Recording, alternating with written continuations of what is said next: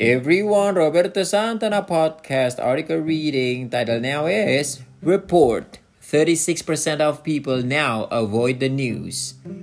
More than one in three people across the world say they often or sometimes try to avoid the news, according to a report by the University of Oxford Reuters Institute. The 2023 Reuters Institute Digital News Report asked more than 90,000 people all over the world about how they get their news and how they feel about it. As well as the 36% of people who said they sometimes actively avoid the news, less than half said they are very or extremely interested in the news. That's down from 63% in 2017.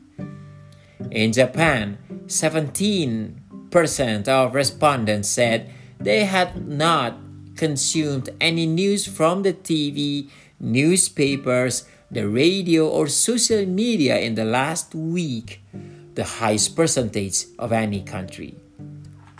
The Reuters Institute said the rising cost of living and the war in Ukraine have not made people take more notice of the news. The report said people may be avoiding bad news to protect their mental health. Trust in the news has fallen too.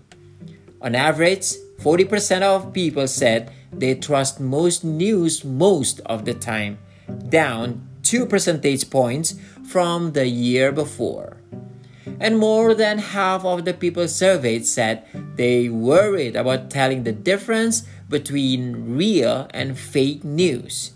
But where do they get that news from?